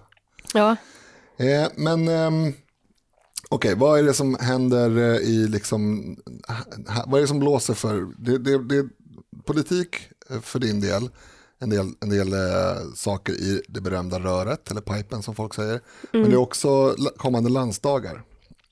Som, eh, där du har varit en del i medialt blåsväder ska man inte säga, men uppmärksammad i alla fall. Ja, jo precis. Det är ju lite intressant det här tänkte jag på att när jag blev vald till vice 2015, då var det inte sådär jättemånga medier som ville uppmärksamma att eh, fantastiskt, vi har en kvinnlig vice partiledare. Nej. Vad kul, det, det, henne borde vi intervjua och ta in kanske i studion någon dag eller sådär. Det var lite svalt. Ja, Ja. jo. Men ju- nu, nu när eh, då det blir förändringar i presidiet och Vinge väljs, då är det, då är det liksom på varenda Mm. eh, sån här flash överallt i varenda mediekanal och det är lite tråkigt så. Alltså, eh, för, för, för lyssnarens skull, valberedningen föreslår ja. att Henrik Winge ska bli vice ordförande Ja, och precis. du andre vice. Och jag ska bli andre vice ordförande, Mm. precis. Och då har det ju då framställts som någon, eh, som någon petning och det är väldigt så här dra dramatiskt. Mm. Men eh, jag är ju, det finns ju inte något så här, eh, vad ska man säga, försämrat förtroende för mig. Jag, jag är ju fortfarande en del av presidiet och vi har kommit fram till det här som en bra lösning i, i samförstånd. Så det är inte så, så dramatiskt som det låter. Nej, precis. Och om jag, om jag, jag har ju suttit i valberedningen Riks tidigare.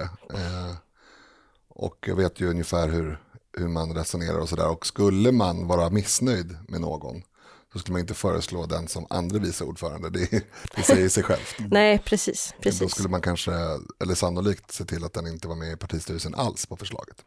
Ja, nej men precis. Och jag vet ju, eh, jag har ju god, god kontakt och relation med både Jimmy och Mattias och Rickard och, och, och gänget. Och jag vet ju att de har eh, fullt förtroende för mig och vill gärna ha mig kvar i presidiet. Och vi har landat i att det här blir, blir en bra lösning. Så. Men vad har eh, reaktionerna varit eh, i, alltså vad, vad har du fått för frågor från media och vad har det varit för, för spinnar man vill göra på det här? Ja, eh, en spin som har varit i sociala medier skulle vara att man ville, och som också var i Expressen, det var att det skulle ha att göra med att jag är kristen och att jag har ju fört fram då partiets politik. Mm. Och att det här skulle vara någon form av straff. Men den, jag har inte fått några... Nej, det det de, de gillar väl att spinna på den storyn, så, ja. men, men eh, då skulle jag inte vara kvar som andre vice och jag har ju inte någonsin eh, drivit någon annan linje än det som har varit partiet, så alltid haft en, en, dialog och jag har ju bara fört fram och mm. blivit den personen som också får ta lite tv-debatter och debattartiklar och så, för jag har känt mig ganska säker och haft mycket kunskap i frågorna. Mm. Och då vill man ju kanske skicka fram en sån person, men jag har aldrig varit i konflikt med partiet i de här frågorna eller något sånt. Alltså, och jag har också varit ganska pragmatisk i den här processen kring nu med vissa förändringar. Mm. Eh, och det vet, tror jag, de flesta om. Mm. så. Just det, för det är, om, det är, ju en del Det är också en stor grej till... inför landsdagen och det, så det har ju varit mycket, det har varit lite stormiga dagar. Eh, först då kring eh, att eh, kring förändringarna i abortfrågan, där många kanske reagerade. Jag har fått gå ut i kristna medier också och bemöta just få fram balansen i det här förslaget som jag ändå tycker finns där. Sen har det varit en svår process såklart. Men, mm. men, och sen då det här förslaget och det att, som jag sa till tidningen Dagen tror jag, eller att de här sammanfaller, då kanske en del tror att det har med varandra att göra, men det är ju för att det är landsdagar. Mm. Då lyfter man fram politiska förändringar, förändringar i valberedningens förslag, i, partiledningen och massa olika saker kommer ju för, nu för att det är landsdagar. Det är ju därför som det ja. sammanfaller. Mm. Men då ja, vill man plocka ihop det ena och det andra. Så. Dick, du som är utomstående, eller ja, du har i alla fall ett, fristående, en, fristående och en bättre möjlighet att blick, du har också väldigt mycket politisk erfarenhet innan eh, den här, den här, det här skedet i ditt liv. Eh, tror du att, eller jag inbillar mig att det är bra att, man vis, att ett parti visar att det finns faktiskt olika linjer inom ett parti. Alltså, det, det finns ju en nidbild, eller en, en missuppfattning i alla fall, att att om man är sverigedemokrat till exempel, då tycker man som partiet i exakt alla frågor och exakt lika mycket och precis på samma sätt. Men det är ju naturligtvis inte sant. Eh, tror du att det är bra att, man, att den här bilden luckras upp lite, att man får se att här finns det stridigheter kring olika frågor.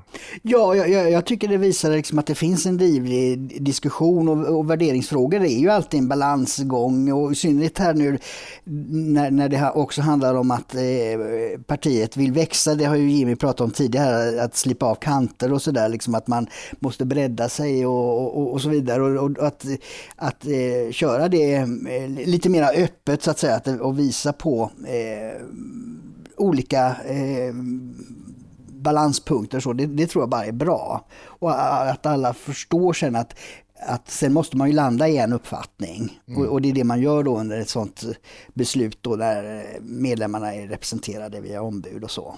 Mm. Det tror jag är bra. Ja, men jag tycker vi har haft en bra, vi har ju haft ganska mycket diskussioner eh, med högt i tak i verkställande utskottet kring det här där man haft möjlighet att lyfta fram olika synpunkter och olika infallsvinklar. Jag tycker ändå, alla kan inte bli 100% nöjda, men alla kanske kan bli någorlunda nöjda och mötas på mitten. Och jag tycker man har funnit en bra balans. Vi släpper det här tolfte vecka-kravet som på rättslig prövning som egentligen inte har, skulle kanske göra så stor skillnad i, i praktiken. Nej, och där syftet framförallt har varit att stötta kvinnan i processen. Mm. Och, och det kan vi ju göra kanske med, på andra sätt. Mm. Eh, om det, man är oplanerat gravid och sitter i en ekonomisk kris till exempel. Mm. Då kanske vi kan vi har hjälpa ett, så. Men det, det, har ju gett utrymme för så otroligt mycket missuppfattningar och kritik. Och, och frågan är det värt det då? Mm. Men när vi samtidigt kan ha kvar det här förslaget som, som var viktigt för mig då, att vi kräver en översyn av de allra senaste eh, aborterna som har varit väldigt uppmärksammade i media och där många eh, tycker att det är lite kanske obehagligt att läsa om foster som lämnas och självdö och, och sådana mm. saker. Det är väl kanske, jag tror vi kan få en mer respektfull eh, dialog kring det här. Ja, det, kanske att när, allas mål i den här frågan, att man kommer närmare allas mål. Därför att det handlar, det har ju, eventuella konfliktlinjer har ju handlat mer om princip kontra mål, eh, ja. mål resultatinriktat så att säga. Mm. Precis som du sa, att det kanske inte skulle ha gjort någon större skillnad med en lagändring, utan kanske andra saker som ska till. Ja, men precis som man vill. Om, man, men om, om, om, vi, om vi lyfter ämnet till lite större, om vi, mm. vi, vi, släpper just abortfrågan och pratar om eh, interna, eh, jag ska inte säga konflikter för jag tycker faktiskt inte att det är konflikter, men interna, eh, alltså olik, vad, vad säger man, interna diskussioner. Mot, ja, diskussioner, alltså att de, där, man har, där det finns eh, grupperingar som tycker olika saker. Det har ju alltid funnits eh, i partiet, i alla fall sedan jag eh, gick med 2002. Eh, det har ju alltid funnits, det har varit högt i tak. Vi har pratat om saker som där en grupp kanske har varit emot partilinjen, en annan grupp har varit för partilinjen och det kanske fanns en tredje grupp också som tyckte något annat. Men då, min upplevelse är att det var inte så intressant att, att prata om i medial, medialt. Alltså, man, eh, man eh, rapporterade inte så mycket om våra diskussioner om olika saker på på den tiden hette det riksårsmöte. Mm. Eh, Men där tror jag en, en sak är ju där att eh, det som skiljer sig över åren det är ju Sverigedemokraternas storlek. Mm, alltså nu, nu är partiet uppe i 20 procent i opinionsmätningarna. Mm. Då är vad som händer inom, social, äh, inom Sverigedemokraterna är ju så mycket viktigare än jo, när man det, är... Ja men det kan man tycka, men om någon sa ett ord fel i talarstolen så blev det ju rubriker istället. Mm. Så, att, så att balansen fanns ju inte där. Nu finns det ju åtminstone nu finns det åtminstone en större balans mellan det man gör smutskastning av och, det, och det som faktiskt är rapportering kring den interna debatten. Mm. Mm. Nej, men jag har ju varit med på många, även när det heter riksårsmöte, mm. eh, sen eh, jag har varit 2000, eh, var det, kan det vara 2008 eller något sånt där. I Karlstad? Ja, precis. Jag tror det var det, då jag träffade dig första gången. Ja, det kan ha varit det. Som eh, debatterar vi ju bistånd och skolpolitik och eh, familjepolitik och ganska livliga och heta debatter. Mm. Så. Uh, och, och, jag tycker också det har varit det under alla år som jag har varit med. Sen kanske man ändå landar ofta i partistyrelsens förslag, men det finns alltid en... Det är många frågor som engagerar folk. Mm och eh, där olika åsikter får stötas och blötas, så det är positivt. Under riks, den här åren nu i riksdagen, där har väl vad heter det, kunskapen och, och fördjupningen i olika ämnen eh, kunnat ske eh, i partiet? Ja men absolut, det tycker jag. Det sker ju verkligen eh, hela tiden och nu har vi också blivit så många fler så att nu har vi ju fler personer som faktiskt kan djupdyka i olika frågor. Jag känner att jag har kunnat få mer jag har gott samarbete med Linda Lindberg som tar ett visst alltså, ans löpande ansvar för familjepolitiken. Jag ger mig lite mer utrymme att fokusera på sjukförsäkringen och vi har eh, eh, Klara eh, som gör ett väldigt bra arbete med just med, kring psykisk ohälsa. Det har ju mm. varit väldigt stort och brett innan för en person har hand om både sjukvårdsfrågor och Ja, ja, och Karina kan fokusera mm. på det här med stöd till funktionshindrade, så att vi har ju mycket mera alltså personer som kan nischa sig i olika områden och jag tycker det är en väldigt positiv eh, utveckling och jag ser verkligen hur många riksdagsledamöter eh, växer in i sina roller och blir bra på just det området som de fokuserar på och kan hålla sig framme i det. Och jag hoppas att det kan bli, att det kan, kan få komma fram ännu mer i, um, inför valet här. Det är ju en lyx det där, alltså vi, vi ser ju, ser ju en liksom brytpunkt 2010 när vi egentligen gick från att skriva plakat till mm. att faktiskt skriva lagförslag. Det är mm. en väldigt stor skillnad och det var inte så mycket att göra innan 2010. I kommunerna gick det ju naturligtvis och det gjordes ju. Men jag tänker på riksplanet. Mm. Alltså att man går, och det var ju därför vi fick så mycket skit för att vi hade, ja ni tycker inget om den lilla skattesatsen i det här området, haha ni har ingen politik. Och det kan man ju säga då som utomstående att, att det var ju, eller det var ju, det var ju en lätt, en lätt angreppspunkt. Men eh, det har ju liksom blivit automatiskt att ju fler man blir, desto mer kunskap måste varje person kunna bära i sina respektive mm. utskott till exempel. Mm. I början så var vi, var, hur många ledamöter var vi? 14? 20. 20, ja 20, 14 är minimum ja. Eh, 20 eh, då var det ju en person i varje utskott. Mm. Och det, då blir det väldigt många, särskilt i socialförsäkringsutskottet som, som du sitter i, som jag har suttit i. Mm. Så blir det väldigt mycket att en person ska hålla reda på. Ja, jag vet, det var en, en person där som satt, eh, och det har ju också, den har ju, socialförsäkringsutskottet har ju också eh, ansvar för migration, så satt man ensam där då, så hade man ju det väldigt hett om öronen. Väldigt hett. Och jag minns, jag satt ju helt ensam i ut, utrikes. Jag hade både hela utrikespolitiken och biståndspolitiken och hela säkerhetspolitiken. Ja. Uh, och det var ju en utmaning utan dess like då, samtidigt som vi inte hade någon Eh, vi hade ju såklart en, en grundläggande syn på hur, vad vi ville ha för utrikespolitik och bistånd och, och sådär. Vissa förutsättningar, men, men jag fick ju sätta mig från början liksom ganska mycket och, mm. och utkristallisera. Vad ska vi ta för ställning i olika sakfrågor? Och så, menar, så är det fortfarande att det kommer upp nya mm. saker där vi måste ta ställning. Precis. Men där blev det men det var otroligt eh, givande arbeten och mm. väldigt spännande. Så. Det är ju farligt, ju mindre känd man är, desto farligare är det ju att inte ha politik på respektive område. Idag så tror jag att det är mindre problematiskt när man, när man ställs inför att men, titta, ni har inte sagt något om just den här frågan. Därför att idag finns det hos väljarna, åtminstone hos en väldigt stor del av väljarna, en förståelse för vad vi är för parti. Vilket håll, man, behöver inte, man behöver inte vara särskilt bright för att gissa vad vi tycker i, i olika frågor, oavsett om vi har skrivit några detaljerade liksom, siffror i området eller inte. Mm. Och det är också, det, det blir ju, ja, man blir väldigt svag, eh, väldigt lätt attackerad när man ligger i situationen att vara både okänd och sakna eh, skriven politik på alla områden som vi var för, för tio år sedan snart. Mm. Eh, jag tänkte eh, lyfta eh, intern politik och, och, och, och allmänt riksdagsarbete åt sidan och fråga vad är det som är hett just nu i utskottet och i riksdagen? Vad är det som kommer närmsta veckorna här? Ja, det som är mest hett just nu är ju, som jag ser det i alla fall, sjukförsäkringsfrågan.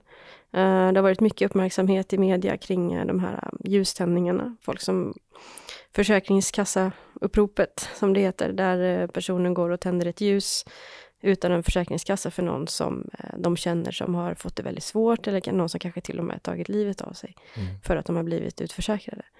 Och eh, jag ska ha en interpellationsdebatt med Adlan Shekarabi på fredag eh, och lyfta de här frågorna ytterligare och han kommer säkert att attackera för några beslut vi har fattat tidigare, men det han inte verkar se är ju att det ju faktiskt är de som sitter i regeringen. Och han kan säga vad han vill om Alliansens politik eller att vi kanske röstat för någon motion med Alliansens frågor, men hans politik är fortfarande eh, hårdare och värre än Alliansens politik. Och jag har pratat med en del som är utförsäkrade, så jag ser du någon skillnad Alltså har det blivit bättre sen Socialdemokraterna kom till makten? För Alliansen fick ju väldigt mycket eh, mm kritik för sin. De bara, nej, det har bara blivit värre. Mm. Är det många som säger. Åtminstone är det ingen skillnad. Det är absolut inte bättre. Ja, men de, alltså rent, så. Om man tittar på siffrorna så har ju... Utförsäkringarna social... har ju ökat. Ja. ja. Så den här eh, som vi nu inte längre driver eller står bakom, men den här som man pratar så mycket om då, den här bortre så kallade stupstocken, mm. bortre tidsgränsen, den var ju efter 914 dagar, tre, efter tre år. Mm.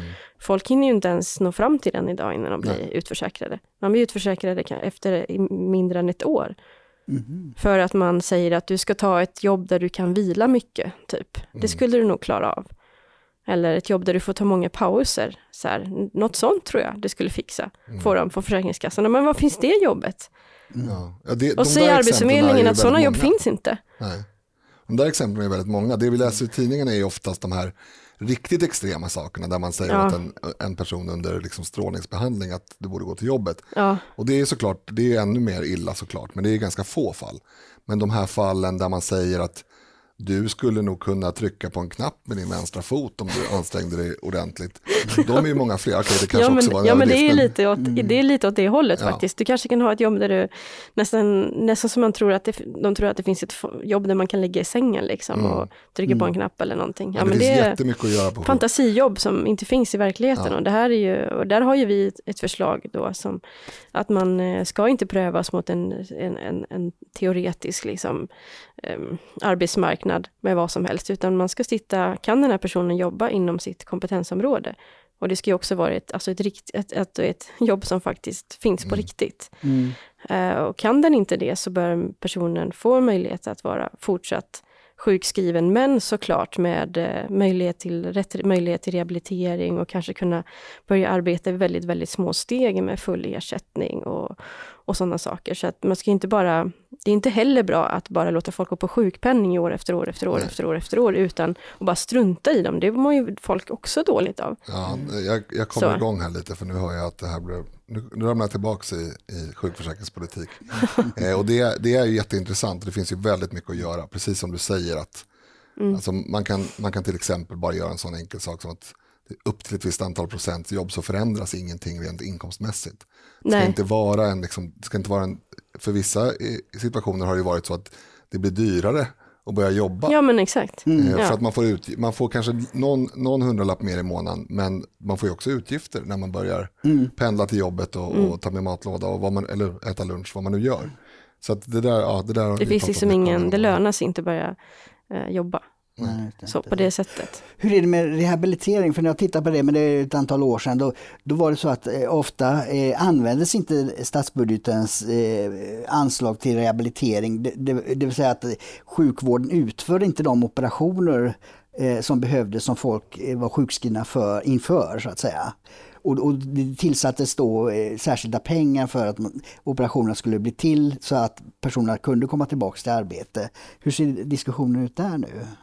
Ja, exakt kring de där pengarna eh, för att Mm. återkomma till, men det, jag vet ju att det är väl eh, rent generellt idag Mm. så väntar ju folk eh, väldigt, väldigt länge på att få sin operation Mm. utförd och man tar inte hänsyn till det heller i sjukförsäkringen. Att det faktiskt, alltså, att, det är det nej, jag men menar. precis, Det- att, det- f- det att måste- vården mm. eh, fallerar ju när Mm. det gäller det här Mm. och man tar inte hänsyn till att folk kanske går på en sjukpenning, att de inte kan arbeta och då kanske de till och med blir utförsäkrade fastän det är vården som borde ta sitt ansvar att eh, se till att den här operationen blir genomförd. Men det har ju att göra med hela kaoset i hela vårdsystemet och de långa köerna och bristen på resurser inom vården. Så, ja. Ja, det är någonting som inte fungerar där i den här planekonomin. men Eh, verkligen. Ja. Mm. Mm. Eh, du har en eh, debatt i kammaren Mm, på fredag. på fredag med Ardalan Shekarabi om de här frågorna. Mm. Ja men precis. Mm. Eh, jag ser fram emot den debatten och eh, jag vet, har också försökt att tipsa om det bland de som är eh, utförsäkrade. Mm. Jag vet i alla fall en person som själv är drabbad som kommer att komma dit och lyssna. Jag hoppas det kommer fler. Jag läste precis i morse på vägen hit att det också ska vara en ljusaktion utanför riksdagen kring utförsäkringen. Så att det är ju det är mycket uppmärksamhet Mm. kring det här just nu och eh, det behövs. Det är många som, som lider. Och, Det behövs eh, verkligen. Och det, det och det, är ju, Jag är också beredd att jag, jag har tagit emot ibland människors livshistorier och jag, ty- jag är väldigt intresserad av faktiskt att höra hur människor har det och ännu mer kunna utveckla vår politik ännu mer. Alltså jag är jätte, tycker vi har jättebra förslag men jag tror att man måste se över det här systemet från grunden. Mm. Det är så mycket som är tokigt idag, bland annat att du kan förlora din SGI för att det var en, en kvinna som låg i respirator på sjukhus och så blev hon, eh, eh, sa de att hon eh, blev av med sin SGI för att hon inte skrev in sig på Arbetsförmedlingen när hon låg i es- respirator. Just då, SGI det är ja, det är den här sjukpenninggrundande sjukpenninggrundande inkomsten. inkomst, ja, precis. Så har du inte den, har du, har, har du förlorat den, kommit ur systemet, då är du ju ganska körd sen. ja, det är ju socialbidrag som Ja, men exakt. det Då har du inte de här äh, rättigheterna. Och det är ju bara en byråkratisk åtgärd och du kan liksom inte få, Mm. få tillbaks det. Eh, Det finns, finns ingen mellanväg då, utan du ska ju göra det inom den här tidsgränsen, tidsramarna som du har att, eh, och de har väl blivit lite, no, förbättrats någorlunda, men, men det är väldigt eh, stelbent system. Och vi har ju också det här med så många som är drabbade av psykisk ohälsa och utbrändhet idag. Och det är något som vi har pratat mycket om, Linus också, att det, det här systemet, stelbenta systemet idag när man ska bedöma om någon är arbetsför eller inte, så är det väldigt mycket man tittar kanske på det rent fysiska. Man förstår inte hur, Mm. hur illa det kan vara när någon verkligen är utbränd. Alltså hur, Nej, och de åtgärder som vidtas. Ja, många läkare ger bra råd, men, ja, men de åtgärder som, som vidtas från alltså flexibilitet i återgång i arbete och sådär, de är ju Ja. ofta i alla fall försämrande på sjukdomstillståndet. Att den som, den som är utbränd kanske stannar kvar i utbrändhet och, och frånvaro från arbetsmarknaden längre eh, än vad den skulle Mm. behöva. mm, ja men precis. Så det finns mycket att göra där också. Där har vi föreslagit resurser att eh, stärka kompetensen på Försäkringskassan och eh, stärka stödet till de som Mm. är eh, Det, drabbade det det som slår mig är ju hur eh, märkligt det är i någon sorts samhällsdebattsmening att Socialdemokraterna har lyckats hålla den här bubblande grytan med locket på under så lång tid. För att eh, en sak att, att den hemska Reinfeldt-regeringen, nu tycker jag i och för sig att Reinfeldt-regeringen var väldigt hemsk, men inte bara på grund av fas 3 och bortre tidsgränsen utan av andra skäl. Men, men den fick ju väldigt mycket medial uppmärksamhet och det var ju liksom djävulen själv som utmålades när det gällde sjuk, eh, utförsäkringarna. Medan, medan idag så, så är det situationen värre och det är Socialdemokraternas liksom, frågor. Det, de borde vara väldigt Alltså det borde vara en akilleshäl för dem, hela den här Ja men precis, de hade ju haft en möjlighet nu då att förbättra. Mm. Eftersom eh, visserligen har vi den här rehabiliteringskedjan då, men utifrån, de hade ändå kunnat göra det bästa av den och göra någonting, alltså att människor istället för att utförsäkras faktiskt får det hjälp och stöd de ska ha vid de här mm. olika eh, kontrollstationerna, mm. om man säger. Och det är ingen som har tvingat dem att göra det nästan omöjligt att få sjukersättning till exempel. Det är, de, de avslagen har ju stigit i höjden och utförsäkringen har stigit i höjden. Det här finns ju också en när vi har haft dragningar i, i um, socialförsäkringsutskottet så har det ju funnits en väldigt, väldigt tydlig ambition. Nu har man tagit bort det här nio dagars eh, snittmålet. Men det har ju funnits en ambition att spara pengar, att få ner eh, som hur många som går på sjukpenning, så har det funnits tydliga riktlinjer till Försäkringskassan. Mm. Och det har ju blivit, så därför har det blivit väldigt hårda bedömningar. Och det är inte Alliansens fel, det är Socialdemokraternas eget ansvar. Mm. Och det tycker jag att de ska ta ansvar för nu och svara på varför det har blivit så här hård politik. Och det är bland annat det du kommer fråga ja. Ardalan Shekarabi Ja, precis. Nu får ju han veta det i förväg om man lyssnar på den här podden. ja, men det... Eh, nej, men bra. Är det något som du känner dig osagt i det här ärendet som vi behöver, som du kommer känna nej, det missade jag? Nej, men eh, det är väl lite grann att vi, jag hoppas att vi kan få en, eh, en positiv eh, stämning och känsla nu eh, inför landsdagarna. Mm. Att eh, det blir en bra laguppställning och att det inte är så dramatiskt som det Nej, låter precis. i media. Ja, och det är många att, nya som eh, kommer in. Ja, men det är nya som kommer in. Mm. Det är också många nya kvinnliga ansikten. Jag mm. önskar att media kan lyfta fram det. För det mm. ja, så att, eh, och eh, sen kommer jag ju såklart, det måste jag ändå säga också, att eh, kan, i och med det här nya förslaget då med Vinge blir vice och jag blir andre vice så är ju inte Karina Herstedt längre andre vice. Och jag vill verkligen framföra mitt stora tack till hennes fina insats som andre vice och det finns inte någon konflikt mellan oss nej, heller, nej, utan nej. vi har ju pratat om det här och att det är samförstånd och, och allt mm. sånt. Så att hon, eh, hon sa väl, är det någon som jag vill lämna över till så är, så är det mig då. Mm. så att, så att eh, jag tycker att det är synd att det ska bli så mycket ja, mm. negativa skriverier, men det är ju så. Det är klart att förändringar kan röra upp känslor mm. och jag har väl fått reaktioner med att folk kommer att sakna mig som vice och så. Det värmer ju såklart, eh, mm. självklart. Men jag hoppas att folk kan se positivt på det här uh, nya laguppställningen och Karina är kvar i partiledningen och jag sitter kvar i presidiet. Så att jag hoppas att vi får eh, bra landsdagar här i Örebro, där jag har bott förut. Så det blir trevligt att ja, just det. Ja. åka tillbaka till Örebro. Ja, ja. Mm. ja, det var det. Vad bra. Det blir bra mm. slutord tror jag. Och för den som känner att eh, man vill höra mer av Julias väna stämma så eh, är det debatt då på fredag. Vilken mm. tid? Och jag har inte den... Eh... Ja, det får man gå in på riksdagens hemsida. Det går ja, precis. Det kan mm. vara lite... Mm. Man får kolla helt enkelt när min debatt faller in där på fredag. Precis. Bra, men då tackar vi för den här delen av dagens podd. Mm. Tack yes. Julia. Ja, det där var ju en väldigt intressant intervju. Eh, har ni något att tillägga? Ja, jag kan ju säga att jag, jag satt ju lite, en, en stund till med Julia och, och, gick igenom lite mer om, om det politiska innehållet då i, i socialförsäkringsutskottet, som det heter i riksdagen. Så att den artikeln finns att läsa i, i samtiden.nu. Ja, det var allt för denna vecka. Synpunkter, idéer på ämnen eller nyhetstips kan ni som vanligt mejla till samtidigt samtiden.nu. På återhörande om en vecka. Tack och hej! Hej då! Hej då!